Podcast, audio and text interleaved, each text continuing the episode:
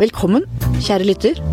Denne podkasten ble tatt opp før siktelsene eh, ble tatt ut i forbindelse med William Nygaard-saken. Men i denne podkasten med Mats Nygaard, sønnen til William og sjef for Aschehoug forlag, så snakker Mats også om attentatet mot faren sin i Dagaliveien i 1993. Vær så god, her er den. Makt er mennesker, og mennesker er makt.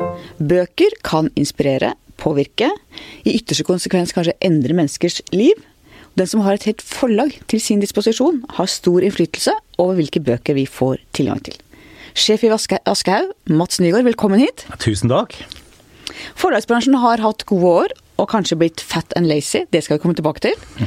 Men først, er dere den neste bransjen som blir spist opp av den nye tid? Kom nylig tall om ganske store fall i boksalget. Norge har holdt stand lenge. Nordmenn kjøper og leser bøker mer enn de fleste andre nasjoner. Men som vi har sett i andre bransjer, så kommer digitaliseringen raskere og raskere. Vi i avisbransjen fikk den ganske tidlig. De siste årene har TV-bransjen fått den kraftigere enn det vi fikk. Er det noen bokbransjen som står for tur? Altså Bokbransjen var jo egentlig den første bransjen som ordentlig eh, digital, ble digitalisert. E-bøkene var jo et veldig veldig tidlig digitalt medieformat. Eh, og, eh, og, og, og e-bøkene innenfor allmennmarkedet eh, har jo i mange deler av bokverden fått en eh, betydelig posisjon. Men dere tjener fortsatt godt på papir? Eh, ja. Vi, vi, som veldig, ja, altså, som veldig få? Jo, papir, altså, papir er det foretrukne formatet blant norske boklesere. Spør på en annen måte, for vi har vært gjennom ganske smertefulle prosesser mm. innenfor pressen. Eh, og TV-bransjen står nå midt oppi ganske smertefulle prosesser. Er du bekymret for at dere vil gå på noe tilsvarende smeller, eller føler du at du har full kontroll over det som kommer? Nei, altså, eh, altså, full kontroll har man eh, selvsagt ikke. Og, og, og det som, altså det som vil, ville bekymret meg, det var, om, det var om bokens betydning, litteraturens betydning i Norge ble mindre. Det, det er helt klart. Men det, men det er også viktig å merke seg at hvis man sammenligner f.eks. litteratur med, med uh, digitaliserte medier som uh, levende bilder, altså TV f.eks., tradisjonell TV opp mot, mot, det man ser i dag, og, og vi, um, aviser opp mot, mot uh, nettaviser, så er det også det er, er, likheter, men også ganske store forskjeller på, på, på disse mediene. Og, og, de omstillingene som du beskriver, at de gripes i større grad inn i det organisatoriske og strukturelle i en mediebedrift som VG f.eks. Eh, det tror jeg nok er åpenbart. Altså det, det andre, menneskene gjør andre ting da, eh, i, i, et forlag enn de gjør i, i en avis. Men, men det betyr ikke at ikke ikke eh, uklok opptreden vil kunne være uheldig, også i bokbransjen. Selvsagt. For dette og, handler jo også om kamp om tiden, ikke sant? Ja, det er, det som er, er ganske viktig, hvor du ser at det er eh, stadig flere ting. Og TV-serien f.eks., Netflix, The Crown, Homeland, er jo nærmest romaner. I gamle dager vi og så på en kinofilm på halvannen time, mens nå blir vi sugd inn i store handlingsmettede ting som tar lang tid, som også stjeler tida vår. Ja, åpenbart ikke, og dette er jo en generell utfordring ikke bare for eh, bøkene, forlagene, forfatterne, eller for den saks skyld avisene, eh, tradisjonell lineært fjernsyn, men på en måte for hele livet. Altså Dette er jo en del av, en del av den moderne utfordringen. Det er jo å eh, frigjøre seg og finne tid, altså frigjøre seg fra nettopp disse type nye sosiale og usosiale mediene, de tidstyvene som man nok eh, fristes av og på mange måter ønsker å, å ta i bruk på, på, på, mange måter, men så også enhver øh, føler seg litt sånn bundet og fanget av. Og, og, og, de, og, veldig, veldig mange mennesker, og veldig mange undersøkelser viser at veldig, veldig mange mennesker jo øh, er opptatt av nettopp nettopp det å frigjøre seg fra denne, denne typen moderne eh, tidstyver, og ønsker eh, det som f.eks. da eh, en, en, bok kan gi, nemlig den evnen til å trekke seg tilbake innover i seg selv, og en slags form for egen meditasjon. da. For det er interessant, vi blir mer og mer effektive, men får mindre og mindre tid. Ja, det er jo et dilemma, altså. Det, der, det, er, det er helt riktig. Og litteraturens plass i skoleverket. Klassikerne. Ja, altså det Det er altså det, er en, det, er jo en, tankevekker å se at iblant så forsvinner tidligere helt sentrale forfatterskap ut i en form for glemsel. Eh, er det viktig å lese Ibsen? Henrik Ibsen ja, på skolen? det er viktig å lese Henrik Ibsen. Og det er mange av klassikerne det er viktig å, å lese, av, av, mange grunner. Eh, eh, annet fordi det er det, har vært med på å bestemme hvem, hvem vi er. Bare, det er ikke bare en litterær verdi som sådan, det har en slags nasjonal og historisk verdi som, så er sentral. Og, og, og, det er veldig viktig å lese klassikerne. Men det er klart at, det er klart at for hvert år så kommer det en ny klassiker til, på en måte.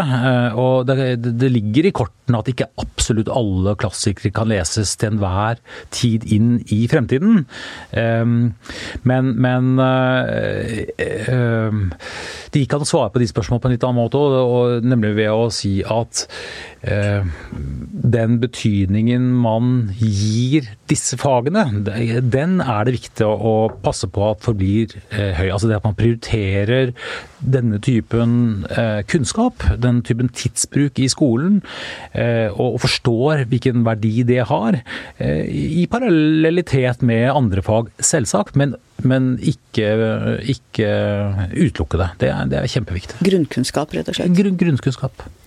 Gutter og lesing. Du ledet for 20 år siden det store leselystprosjektet for bokbransjen. Hva kom ut av det? Jo, eh, altså det, det, er helt riktig, og det er faktisk 20 år siden, som du sa. Og, det, og det, den gangen så var det jo Det man jo så den gangen, det var at lesingen blant yngre, men særlig unge gutter, var gått dramatisk tilbake. Eh, man evnet ikke å engasjere eh, denne gruppen i boklesing. Så, så, så, man satte ned et, eller satte i gang da, et arbeid eh, på tvers av bokbransjen, der alle deler av den var med, bibliotekene ikke minst. Og eh, gjennom et knippe med, med, tiltak etter hvert, så jobbet man med lesestimulering. Eh, du syns at en del av bøkene var litt sånn problemorientert? Syns du ikke det er mye sånn sosialrealisme og det, det, det, I hvert fall har du sagt det. Ja, det, det begynner å bli 20 år siden, begynner å bli lenge siden. Eh, eh, men det, det som i hvert fall er sikkert, da, det er at, eh, at um, hva du fristes av å lese, er jo veldig bestemmende for om du faktisk leser. Og i bakkant av dette arbeidet så kom jo Harry Potter-fenomenet. Tenkt på, Det er jo fantastisk. Ja, det er helt utrolig. Og, og plutselig så var det problemet liksom helt utradert og helt irrelevant. Det var Alle barn leste masse, masse, masse. De kunne ikke, de kunne ikke få lest nok, ikke sant. Og det viser betydningen av kvalitet. Altså hvor viktig det er at, eh, sant? at bøkene er tilgjengelige, selvsagt. At det er, mange, det er mange ting som er viktig. Men ingenting overgår Eh, kvaliteten på bøkene. Eh, det er først da du virkelig får lyst til å lese, og er den til stede, så, så er det jo ingenting du heller vil, altså. Tenk hva J.K. Rowling har gjort for leseferdighetene til en hel verden. Helt fantastisk. Helt, helt fantastisk. Og det er selvfølgelig andre forfattere også, men, men den det forfatterskapet isolert sett har betydd kjempemye. og Det snudde helt om på den statistikken som du beskrev. Eh, og, og kun få år etterpå så så det bildet helt annerledes ut. Forlagsbransjen er i endring. De etablerte forlagene er under press. Det kommer nye forlag som tar med etablerte forfattere ut. Har dere blitt litt sånn fat and lazy, eller? Nei, jeg tror ikke det. Ehm, eh, eller jeg vil faktisk avvise det. Eh, vi, vi eh, Altså det er jo en fare for at en virksomhet som har levd lenge i landet og som har fått sterke posisjoner osv., kan bli det. Men ehm, faktum er at i vår sektor så skal alt gjøres på en måte på nytt hvert eneste år. Du jobber jo selv han, i en avis som, som har en sterk posisjon. og som, som eh, kommer ut eh, døgnet rundt og med papir hver dag og sånn. Eh, men det er bare én tittel på et vis, da. Vi utgir hundrevis av titler hvert eneste år, og, og, og selv om bøkene lever mange av dem i mange mange år, så er det likevel en ny liste som hele tiden skal, skal skapes. Og, og, og, og at du til enhver tid er nødt til å eh, se fremover. Eh, skape stadig nye og bedre og bedre bøker og forfattere. Eh, det er en del av vår hverdag og alltid vært sånn. Og det, det, det, virker i sin natur mot en sånn, eh, en sånn dovenhet som du beskriver. slik Nei, jeg, jeg mener det bestemt ikke det, og, og at, det, at det kommer Eh, nye aktører, det er jo i seg selv eh, totalt uh, uproblematisk. Det er tvert imot en, en, god ting. Og, er du glad for det? I, altså, ja, mangfold er kjempeviktig i vår del av, av, av mediene. Og, og det, det, er på en måte et viktig mål at det er en, et, et, stort utvalg. Og utvalg betyr også det betyr mange forfattere, men det betyr også mange forlag. og etableringstersklene i, i, bokbransjen er jo kjempelave. Det er, det er øh, både Altså alle kan starte et forlag, finne bøker, forfattere som man tror på, og, og, og sette i gang. Og, og, Derfor så kommer det mange, veldig, veldig mange forlag til hvert eneste år. Og har på en måte alltid gjort det. Og Eh, mange av dem lykkes eh, bra eh, og, og, og bidrar. Og, og, så er det selvfølgelig noen som, som også forsvinner etter hvert. Men, men, men, det er jo en myriade av forlag i Norge som er veldig bra. Og du møter jo mange forfattere i jobben din. Det å være forfatter tenker jeg må være en veldig ensom jobb, og det er vel også en del sarte sjeler. Hvordan tar du vare på forfatterne dine? Ja, altså Altså det, er, det, det, det, tilhører jo liksom litt sånn forfattermyten at, at, det er en ensom jobb, men det er faktisk litt mer enn en myte. Altså det, er helt på det rene at du er jo eh, du er jo litt, litt one man show i den forstand at du, at du eh, skal jo tross alt stå last og brast med den boken først som manuskript, og så senere som bok der ute i, i verden. Og det er klart at for oss, eh, altså som forlag og som Norges ledende, så er det viktig at vi eh, har som ambisjon å ta så godt vare på forfatterne våre. Støtte dem i alle de kritiske fasene eh, et, bokprosjekt har, men også utenfor den delen av det som kan knyttes til en enkeltbok. Altså, forfattere er jo forfattere om de har bok til året eller ikke. Og, og for oss så er er liksom Aschehoug-familien en, en, eh, en, eh, Altså det å ta vare på den, eh, hovedoppgaven vår. Og Mange forfattere har et veldig sterkt forhold til sin redaktør. Det er jo ja. mange redaktører i forlaget som da har ansvar for sine forfattere, ikke ja. sant? Ja, det er, det er sterke bånd både mellom forfatter og, og, redaktør, og mellom forfatter og forlag. Og, og, og det er eh, bra og nesten uunngåelig. For det er klart at eh, det å skrive eh, altså det, Når du skriver, når du er forfatter, så sier du enormt mye av deg selv. Eh, en eks, et, et helt usedvanlig privat og personlig øvelse. Eh, og du trenger hjelp fra fra kloke mennesker, ehm, og eh, i alle faser, da. Eh, og eh, det går ikke uten at det er, er en forståelse og lojalitet og, og, og sterke bånd mm, dem og oss imellom. Og, det er nesten uunngåelig at det dannes. Så, ja, det er sterke bånd. Vi er jo begge forlagsbarn. Mm. Vi vokste jo opp på hver vår side av Hesteds eh, plass. Mm. Eh, min far var i Gyldendal, mens din far var i Aschehoug. Eh, fikk du mye bøker til jul, du? Det fikk nemlig jeg, og det syns jeg ikke alltid var like gøy. Nei, jeg, jeg, fikk, jeg, fikk, mye bøker til, til, jul. Det var jo de tingene du hadde tilgang på hele året uansett. Ja, det var det, men, men var, fikk, det jeg fikk til jul, det var gjerne bøker fra din uh, fars forlag, da, for eksempel. Det var gjerne bøker fra andre forlag. Og, og, men, men, men det, det, er jo som du var inne på, altså det er klart at uh, Det er litt å gi bakerens barn brød? Ja, altså man, det er klart man var jo ekstremt privilegert.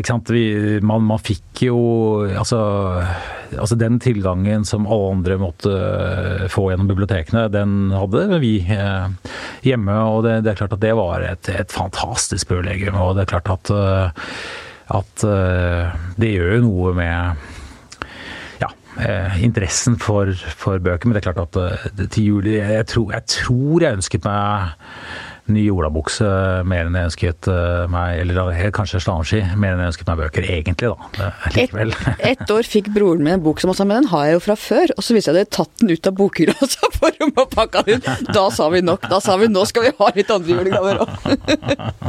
Det var litt i overkant, kjente jeg. Og du, jeg møttes første gang på Forlagssentralen sommeren 1985. Vi hentet bøker på traller og leverte inn, og den gangen var du veldig ung, syns jeg. Du var 16, jeg var 19. Visste du allerede den gangen at det var bøker du skulle jobbe med? Nei, virkelig ikke. Jeg, jeg, altså, det vil si, akkurat den sommeren må jeg jo virkelig si at jeg merket, eh, eller visste det. Fordi det var en ganske eh, tøff jobb vi hadde der, eh, faktisk. Det, det, å, det å, lempe bøker på, på laget, det var en Jeg husker jeg syntes som 16-åring var det en Eh, krevende fysisk eh, jobb, det altså. Bøker veide mange kilo. Men, eh, men bortsett fra det, da, så var det slett ikke sånn at at jeg øh, visste det. det, det er jo ikke dermed sagt et rart spørsmål. Jeg kommer fra en familie der tre av mine forgjengere har vært eh, forleggere, og, og, og, jeg forstår jo det spørsmålet. Men, men, men, nei, virkelig ikke. Jeg, eh, jeg vil kanskje si at det er Altså det er jo sånn at i faser av livet, f.eks. omtrent i den alderen du nevner, at man jo slett ikke vil være som sine foreldre. Tvert imot, man vil være alt annet, egentlig. ikke sant? Og, og, og det er klart det Selvsagt har jo eh, Sånn har det vært for meg også. Um, Uh, og, og, har i hele livet uh, tenkt at uh, ja, jeg, jeg, er meg, og jeg skal drive med det jeg til enhver tid finner interessant.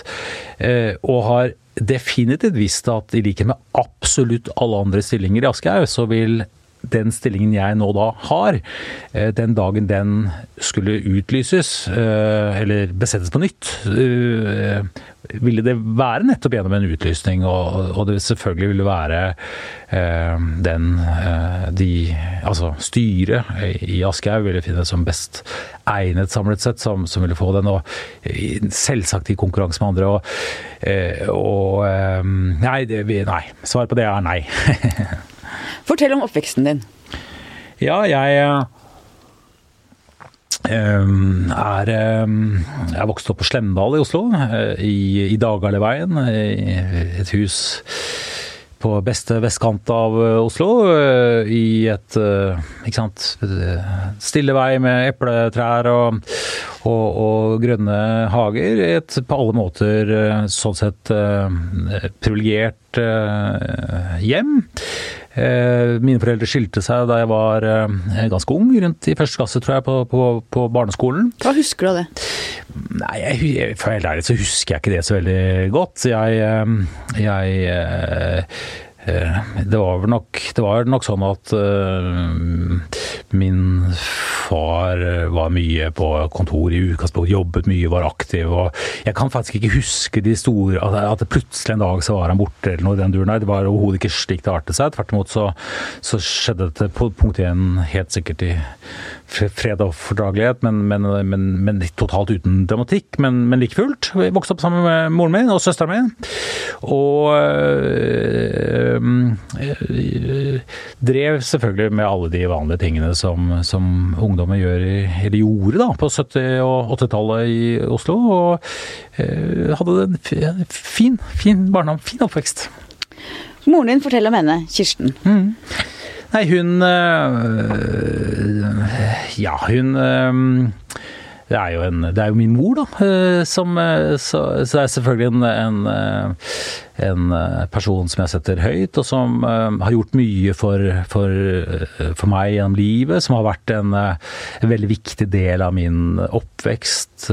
naturligvis, slik mødre er, men også preget pre, Har nok preget meg kanskje mest av mine foreldre, mer enn en det som som min far jo rett og slett fordi vi var, vi, vi var sammen hver dag hele, hele året. Mens, mens hos faren min så bodde jeg en gang i Eller var det sånn annenhver helg og en gang i uken eller sånn? Var det ikke sånn man gjorde det den gangen?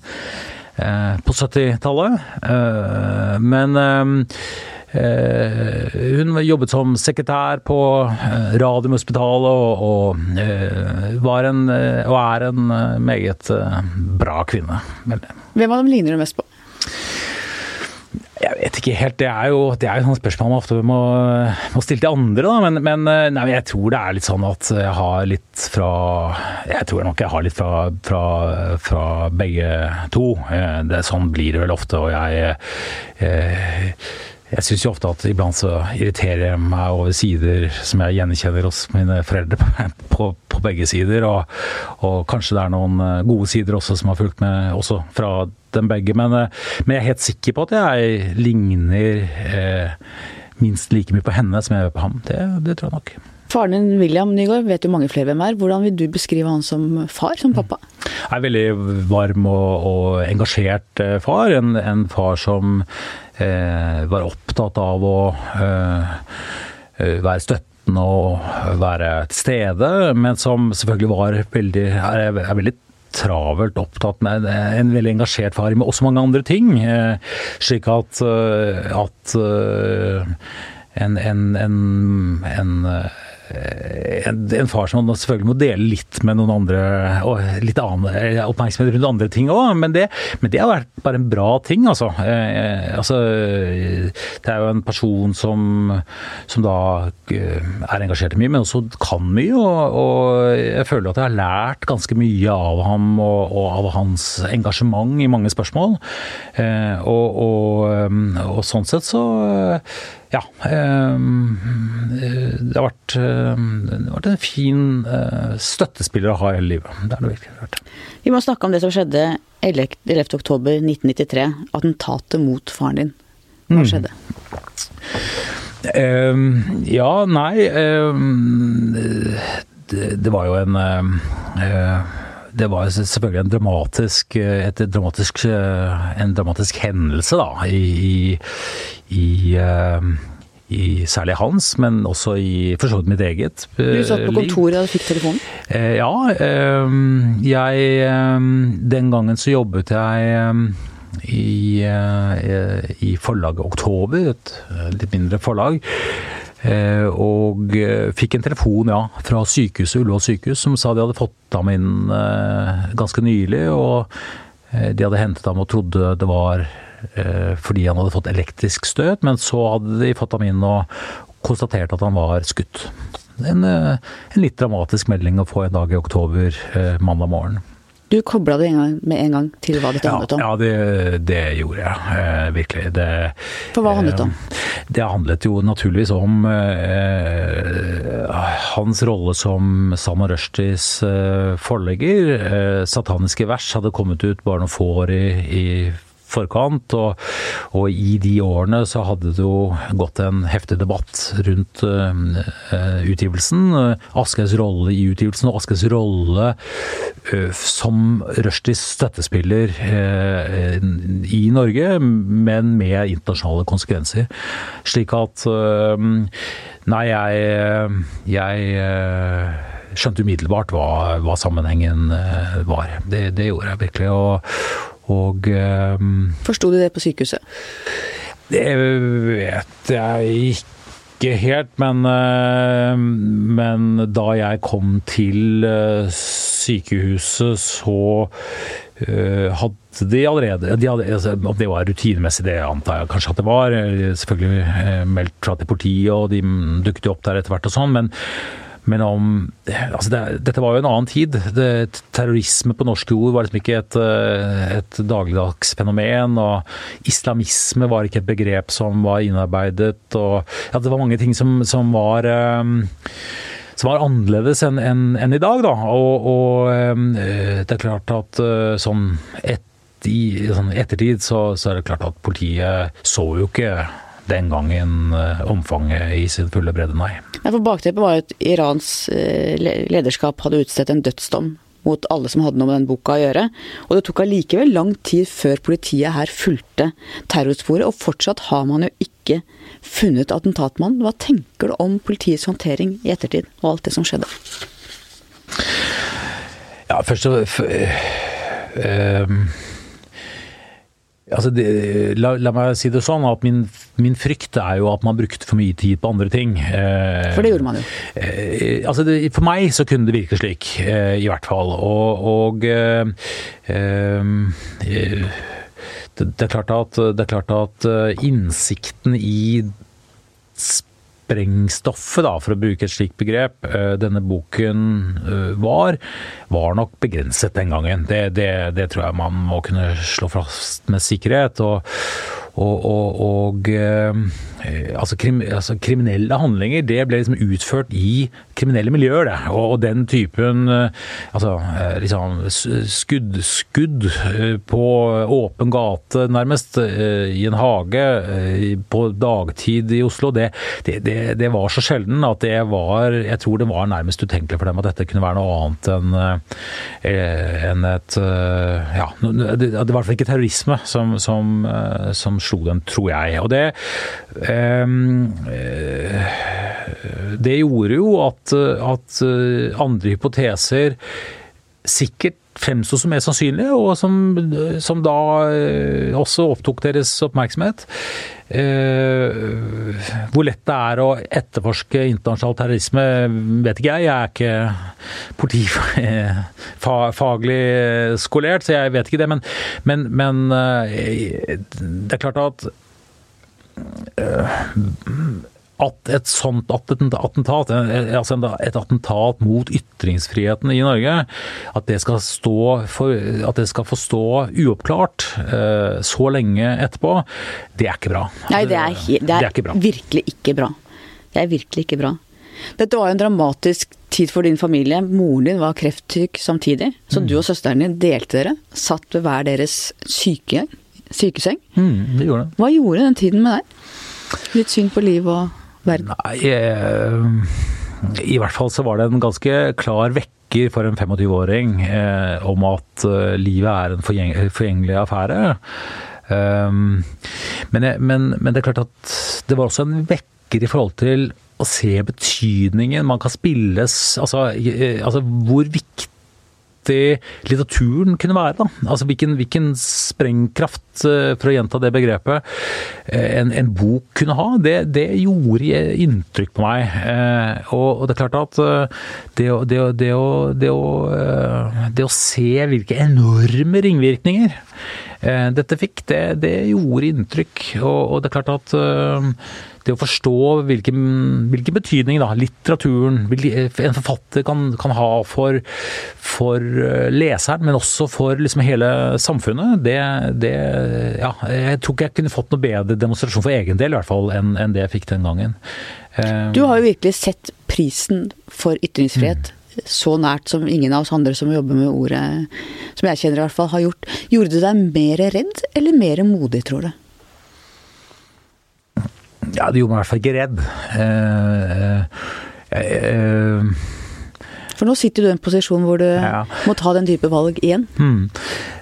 Nei, altså Jeg uh, Altså det er, Punkt én. Det er litt Altså all den tid vi snakker, vi snakker, om en hendelse som skjedde i Oslo i Norge i 1993. Samtidig så er det klart at vi er privilegerte. Du som journalist, jeg som forlegger, lever i et samfunn der vi i nokså liten grad lever i fare. Altså selv når vi er det, så er det, det er i hvert fall sjelden, eh, tross alt. Det finnes kolleger, både av deg og meg, der ute i verden som, som lever med dette daglig.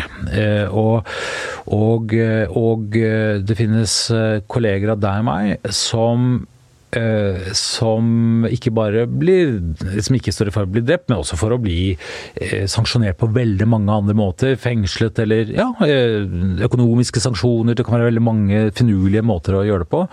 Eh, for å, å, å tie dem. Og det er klart at eh, enhver ting man sier som forlegger eller journalist i, med det som utgangspunkt, nemlig her hjemme i relativt trygge eh, Norge.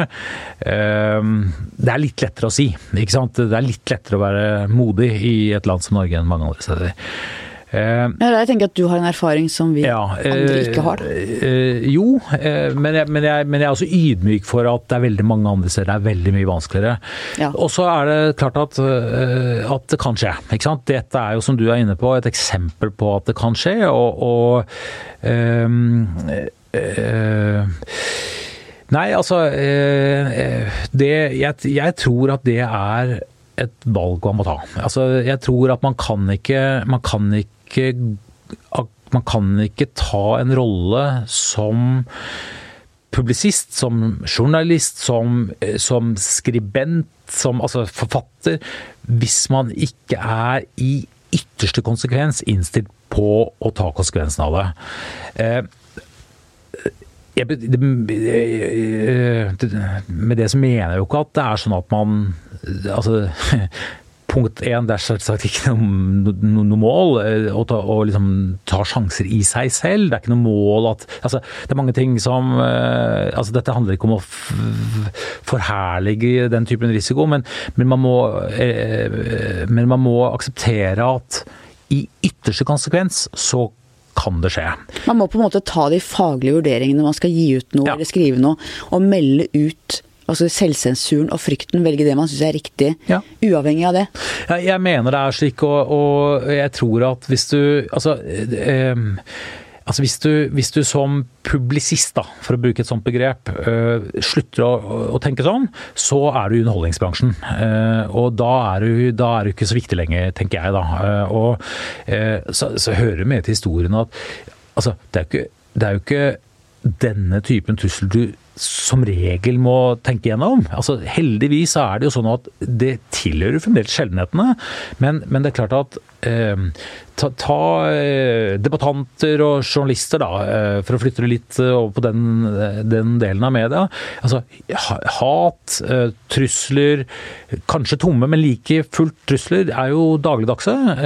Og, og, du har jo hatt forfattere hos deg som har vært truet, og som du har måttet stille opp for å definitivt, hjelpe? Definitivt. Vi har, vi har forfattere som f.eks. For Amal Aden, som, som, jo har måttet leve med, med, med alvorlige trusler og, og, en, og og, og både rasistiske og truende meldinger døgnet rundt. Og, altså, eh, en kjempeprøvet og veldig modig forfatter. Eh, men det er klart at eh, både hun og de, de som står rundt, de må, de, altså, man må, man må man kan ikke la det styre det man ønsker å oppnå, for da er, er man utmeldt med en gang. Tror du det er en større grad av selvsensur nå enn det var før disse problemstillingene kom så nær oss? Ja, dessverre så tror jeg det. Eh, altså, eh, kanskje er det blitt en slags polarisering. For jeg tror kanskje at de som Altså det er nok de som er mer bevisste altså, det, er fall, eh, mm, det i hvert en større grad av bevissthet rundt disse spørsmålene. og Det fører kanskje til at det deler seg litt i to. da. Eh, det er eh, i en, i en gruppe som, som, står last og brast med det, som, som forstår risikoen og, og, som tåler det, eller, ja, og, og som ser forbi det. Uh, uansett. Uh, men uh, også en voksende gruppe som kanskje uten at de merker det selv, begynner å ta hensyn. Man begynner å tenke gjennom hm, mon tro, er dette, vil jeg ta den konsekvensen? Tør jeg dette? Orker jeg dette? Eh, og, og, eh, det som i utgangspunktet kan ses på som demokratiserende medier, da, som Facebook og sosiale medier og sånn, kan jo faktisk, dessverre, da, eh, bidra til en sånn negativ utvikling. Ved at, ved at, det, at det er så lett å nå frem og ut med sitt budskap, betyr at man eh, ganske ufiltrert kan også fremme mm, ytringer som, som, er problematiske og som er, tru, som er truende og som er uakseptable. Da. Men det, og dette, dette, dette, kan gjøre, gjøre, det vanskeligere for mange å, å ytre seg. Hva gjør vi med religiøse ledere som utstetter dødsdommer mot forfattere og forleggere? Hvordan kan vi møte sånne ting?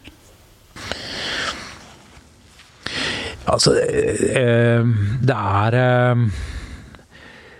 eh, altså, eh, det, viktig, altså, det, viktigste det er å møte det med eh, altså, ignoranse. Altså, start, det, vi må starte der. Altså, vi som står for ytringene eller, eller sørger for å, å, å, bringe dem ut i verden, eh, må, kan ikke la oss affisere av det. Det starter der. Usynliggjøring? Eh, ja. Eh, altså det, det, Vi kan på en måte ikke la dem eh, styre noe som helst. Eh, men det er klart at i visse sammenhenger så ikke sant, dette, kan, dette kan jo ha forgreninger helt opp på et nasjonalt nivå. Det er klart at da, Som Iran? ja, som, som Iran eh, og, og, som en del andre eh, land. Også land langt nærmere eh, oss selv enn en, en Iran da. Så er det viktig at vi, vi, arbeider politisk. Fordi at det er klart at da er det på en måte politiske virkemidler som, som fungerer. Og, og, og det, å, det, å, være veldig sånn klar og prinsipiell i sånne spørsmål når vi opptrer sammen med eh, slike nasjoner, eh, det er kjempeviktig. Og da har vi jo de vanskelige problemstillingene. Du har islamistisk terror, du har islamisme, du har muslimer som føler seg stigmatisert, du har fordommer og frykt, og du har eh, reell redsel, og du har reelle problemstillinger type håndhilsing, nikab. Hvordan skal vi manøvrere i dette rommet i vårt eget samfunn? Ja, øh, øh, det, dette, er ikke, dette, er jo ikke, lett. Eh, og, og eh, det er klart at eh, det vi snakket om under det første, forrige spørsmålet, det var jo prinsippet knyttet til måte, helt sånn uakseptable eh, ting som f.eks. vold og enda mer alvorlige ting. Eh, dette er jo, dette er jo liksom, Dette tilhører jo et, på en eller annen måte et eller annet nivå under, og som er mer kulturelt betinget og ikke nødvendigvis, eh, ikke nødvendigvis eh, Det, det, det fører liksom ikke til attentater nødvendigvis. Håndhilsing, som du nevnte, f.eks. Altså, nei, altså jeg tror, dette, dette, handler jo om en form for gradvis kulturell eh, endring. ikke sant? Der, der eh, verdier må settes opp mot andre verdier, og hvor eh, i hvert fall slik jeg ser det, eh, man er nødt til å innse at eh, når man gjør det, så er det ikke nødvendigvis sånn at det ene er til forkleinelse for det andre, eller at det ene skal settes over det andre. Altså det, det, selv om du, selv om du eh, har respekt for din ektefelle, eh, eller du har eh, Eh, så, så, så, så, kan du håndhilse på en annen kvinne, f.eks. Ja, kan vi ha lærere som ikke vil håndhilse på motsatt kjønn, f.eks.? Altså, jeg, mener jeg, jeg, mener det er problematisk. Ja. Jeg mener det er problematisk, og, og, og, jeg, jeg, jeg, svarer litt mindre kategorisk enn deg, fordi at, fordi at, det er ofte litt sånn at det kan være litt situasjonsbestemt, det kan være litt nyanser i ting. Men, men, men det enkle svaret er at det, er problematisk. Det er altså, eh, respekt, eh, likeverd, eh, demokratiske grunnprinsipper er kjempeviktige verdier som vi skal kjempe for. Og det er klart at alt som direkte, men også indirekte truer det, det er i sin sin natur da, problematisk. Eh, og det er klart at da må vi, da må vi, da må vi søke å, eh, å, å, unngå det, rett og slett. Altså. Eh, og, og, så, og så er det selvfølgelig det er, det er lett å det er lett å, å, å, i debatten å, gå litt langt. Da, det, det, er ikke sikkert at alle ting er like problematiske. Og, og det kan godt være at ting eh, er, er, er, litt sånn Hvis man blir fryktelig prinsipiell, så kan det, bli, så, er, så kan det fremstå som veldig vanskelig, mens det, mens det i praksis kanskje kan være enklere innimellom. Men, men det Eh, men liksom, her må man kjøre etter noen tommelfingerregler, tenker jeg. Man må liksom prøve, søke å øh, Ikke sant. Dette, fungerer dette demokratiserende? Er dette til fremme for likeverd og, og, og, rettferdighet? Hvis nei, da er det grunnleggende sett noe vi bør endre på. Og jeg tenker at Det er liksom noen ytterpunkter. Jeg mener at f.eks. type halalkjøtt i norske fengsler på sykehjem er helt fine, no problem. Ja, Mens at folk dekker til ansiktet sitt på norske gater, syns jeg er kjempeproblematisk. Og jeg mener vi kan ikke ha lærere som ikke kan håndhilse. Jeg mener at i Norge skal du vanlig høflighet tilsier at du skal håndhilse, og i hvert fall en setting hvor barn ser deg som rollemodell. Og jeg mener at det er det. Og så er det masse ting imellom der som man kan ta stilling til hver enkelt ting, men du må ha noen likestilling, likeverd. Det som vi har vokst opp med som på en måte er kulturen i Norge, hvordan vi behandler hverandre, det må ligge i bunnen. Mm. Ja, Jeg er ikke uenig i det. og, og, og eh, Samtidig så er det sånn at, at, Norge er i endring, selvsagt. Lik, og det er hele verden også. Og, og det, er at, det, er klart at, det vi oppfatter som helt selvsagt og naturlig i dag, det, det var ikke helt selvsagt og naturlig for 20 år siden, og, og vil heller ikke være det om 20 nye år.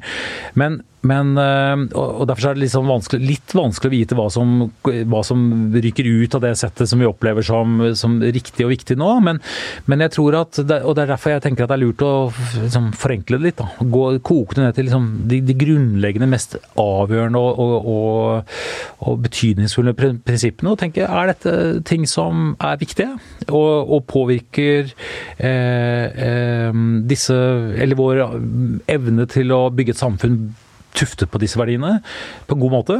Eh, eller er det ikke det? Og er det ikke det, så, så, eh, så, så skal, vi, så skal vi prøve å unngå det. Men, men det må ikke nødvendigvis bety at uh, geitosten skjæres med, med, med ostehøvel i en spesiell retning, altså. Hva tenker du er viktige norske verdier? Nei, altså jeg, jeg, tror jo at de verdiene jeg nevnte, dette med, dette med likhet, dette med rettferdighet, dette med en, en, en anledning til å kunne uh, påvirke uh, både seg selv og det samfunnet man er en del av, og på den måten stå i et kollektivt prosjekt, er viktige verdier. og og ehm, jeg tenker at vi eh, vi har, et samfunn som på mange måter fungerer veldig godt i, i, i Norge. Og jeg, jeg, tror det ikke minst er fordi at dette er ja, verdier da, som, som, vi har arbeidet mye med, og som, som det er en bevissthet rundt. Um, og det er derfor det er så, så et sånt paradoks da, at, at f.eks. ytringsfriheten kan fremstå som mer truet i dag enn for, for få år siden. Ja, det er virkelig et paradoks. Du har omtalt deg selv som sosialdemokrat. Hva mm. tenker du om dagens krise i Arbeiderpartiet? Nei, altså um, eh, Ja, nei, jeg, jeg er nok Eh, en eh, person som, eh, som assosierer meg med de sosialdemokratiske verdiene, ja. Jeg syns at Jeg syns Jeg er helt sikker på at den krisen vi hvis, man, hvis, det er det det er, da, i, i Arbeiderpartiet er en, en forbigående fase, jeg er helt sikker på. Altså det er I likhet med partikriser eh, historisk andre steder, så, så, så fremstår de som veldig dramatiske i, i, i øyeblikk og i, i, faser. Men det er klart at uh, partiene, og det gjelder ikke bare det, det partiet, men alle norske partier, uh, har jo en god evne til å lære av situasjonen, løse, løse eh, konflikter, løse utfordringer både internt og seg imellom. Og, og, så du har trua? Ja, det har jeg definitivt definitivt. Og, og eh, jeg, eh, jeg, Ja, det har jeg. Dere hadde en periode au pair i familien? Samsvarer det med gode sosialdemokratiske verdier? det slutta etter en stund? Nei, vet du, jeg, jeg, jeg, tror at jeg ikke syns at det samsvarer med gode sosialdemokratiske verdier. Jeg er ikke sikker på om jeg syns det samsvarer med ordentlig gode verdier i det hele tatt. Jeg tror ikke det har noe med det å gjøre i det hele tatt. Ikke fordi at Altså, jeg, eh, jeg har veldig Altså, det var en grunn til at vi hadde det. Hektisk liv, små barn øh, og sånn. Eh, veldig fint med, med, hjelp til både det ene og det andre i huset. Men det hadde ingenting det må jeg bare si, det hadde ingenting med kulturveksling å gjøre. og Det er aupairordningen eh, ene og alene. Det er ment at uh, unge mennesker i, rundt omkring i verden skal kunne reise rundt, oppleve nye kulturer, uh, utvide horisonten og, og, og sånn. og Eh, når eh, vi hadde en fantastisk ung kvinne eh, boende hos oss i, i to år. Eh, hun lærte sikkert hun lærte norsk, og hun eh, hadde det, tror jeg, fint. Men hun hadde to barn hjemme. De var akkurat like gamle som våre barn. Nøyaktig like gamle. Og jeg vet i hvert fall for egen del at hvis jeg skulle reist til et land så langt unna Norge for å ta vare på barna i en familie der så ville jeg, jeg Altså, jeg ville, jeg ville savnet familien min veldig, og, og jeg ville Uh, ja, jeg, det jeg syns det var fryktelig vanskelig. Uh, det er blitt argumentert for at liksom, det, jo, jo, men dette er jo da, det er inntekter og altså, Men det, da må vi heller kalle det det. Da, da, altså, da må vi eventuelt, eventuelt uh, kalle det det. Altså en jobb. Eh, men, men, men nei, altså det, det, fungerte ikke for oss i det hele tatt. Det var, vi hadde det veldig fint med henne. Hun var super, som sagt, og det var til stor hjelp. Bevar meg vel. Men, men jeg eh, Det var med betydelig bismak i munnen, altså. Det, så det, det kuttet vi ut. Det skjønner jeg. Vi har på lederplass i Verdens Gang gått inn for å avvikle hele ordningen. Ja, for jeg mener at du må Da betaler ordentlig og sier at det er en jobb, som du sier. Ja, ja, det, betaler altså, full lønn. Da er det helt, helt streit, det. Og, og, og, som sagt, jeg, jeg vil nødig fordømme noen som, um, som bruker au pairer, fordi jeg skjønner godt det. Eh, men, men, eh, men eh, jeg det, er ikke, det, er ikke en, det er ikke en grei ordning, altså. Det er ikke bra. Man skal ikke Ja, det er ikke en grei ordning. Litt tilbake til deg og deg som voksen mann. Du overtok forlaget etter faren din. og Det sies at alle sønner må overvinne sine fedre. Har du kjent på det, det å overta til en så profilert far? Er det viktig for deg at du gjør det bedre enn han? Um, det er under psykologien rundt dette. ja, eh, altså eh, vet, jeg tror at vi har jo alle eh, Altså leder du en virksomhet, så har du jo overtatt den etter noen. Eh, du, så frem til du ikke har startet den selv, da. Eh, og eh, det er eh, Jeg tror det som er viktig, det er at Aschehoug som virksomhet fortsetter å utvikle seg. Altså Vi skal jo være, bli bare bedre og bedre som, som forlag og som virksomhet som, som, sådan.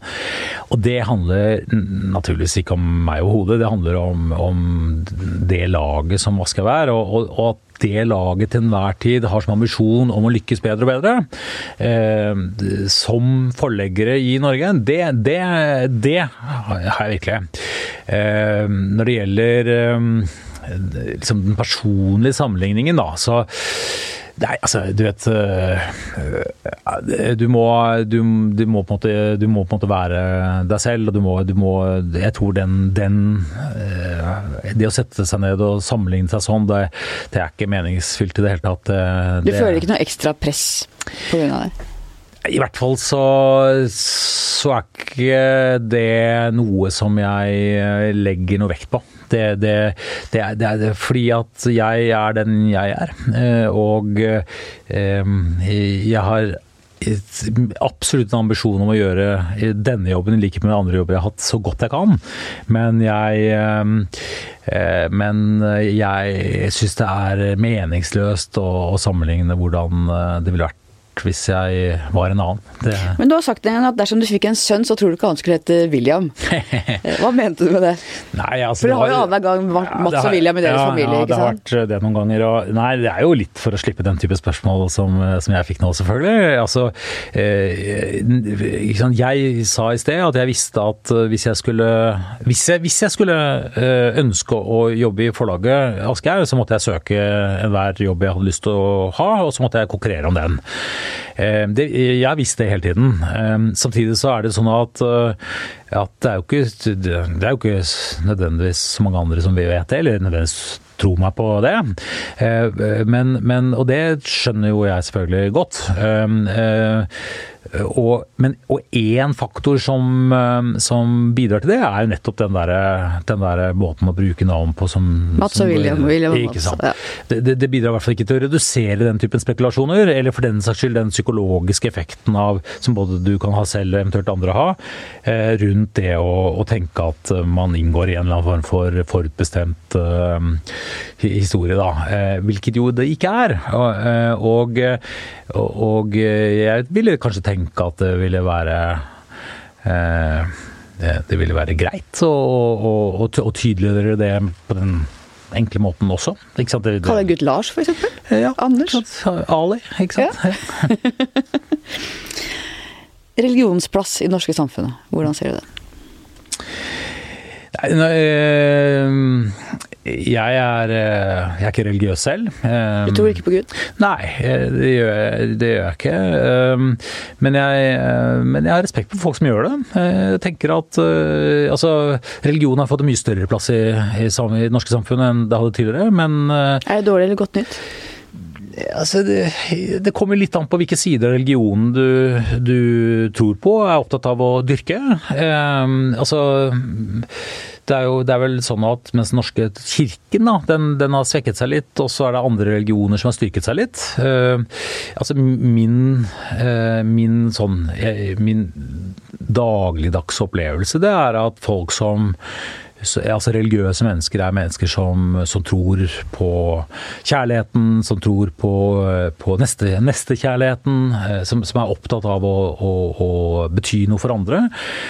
Eh, Den typen sider av enhver religion er jo fabelaktig. Eh, Dette er jo, det er jo sider som jeg gjerne dyrker selv også.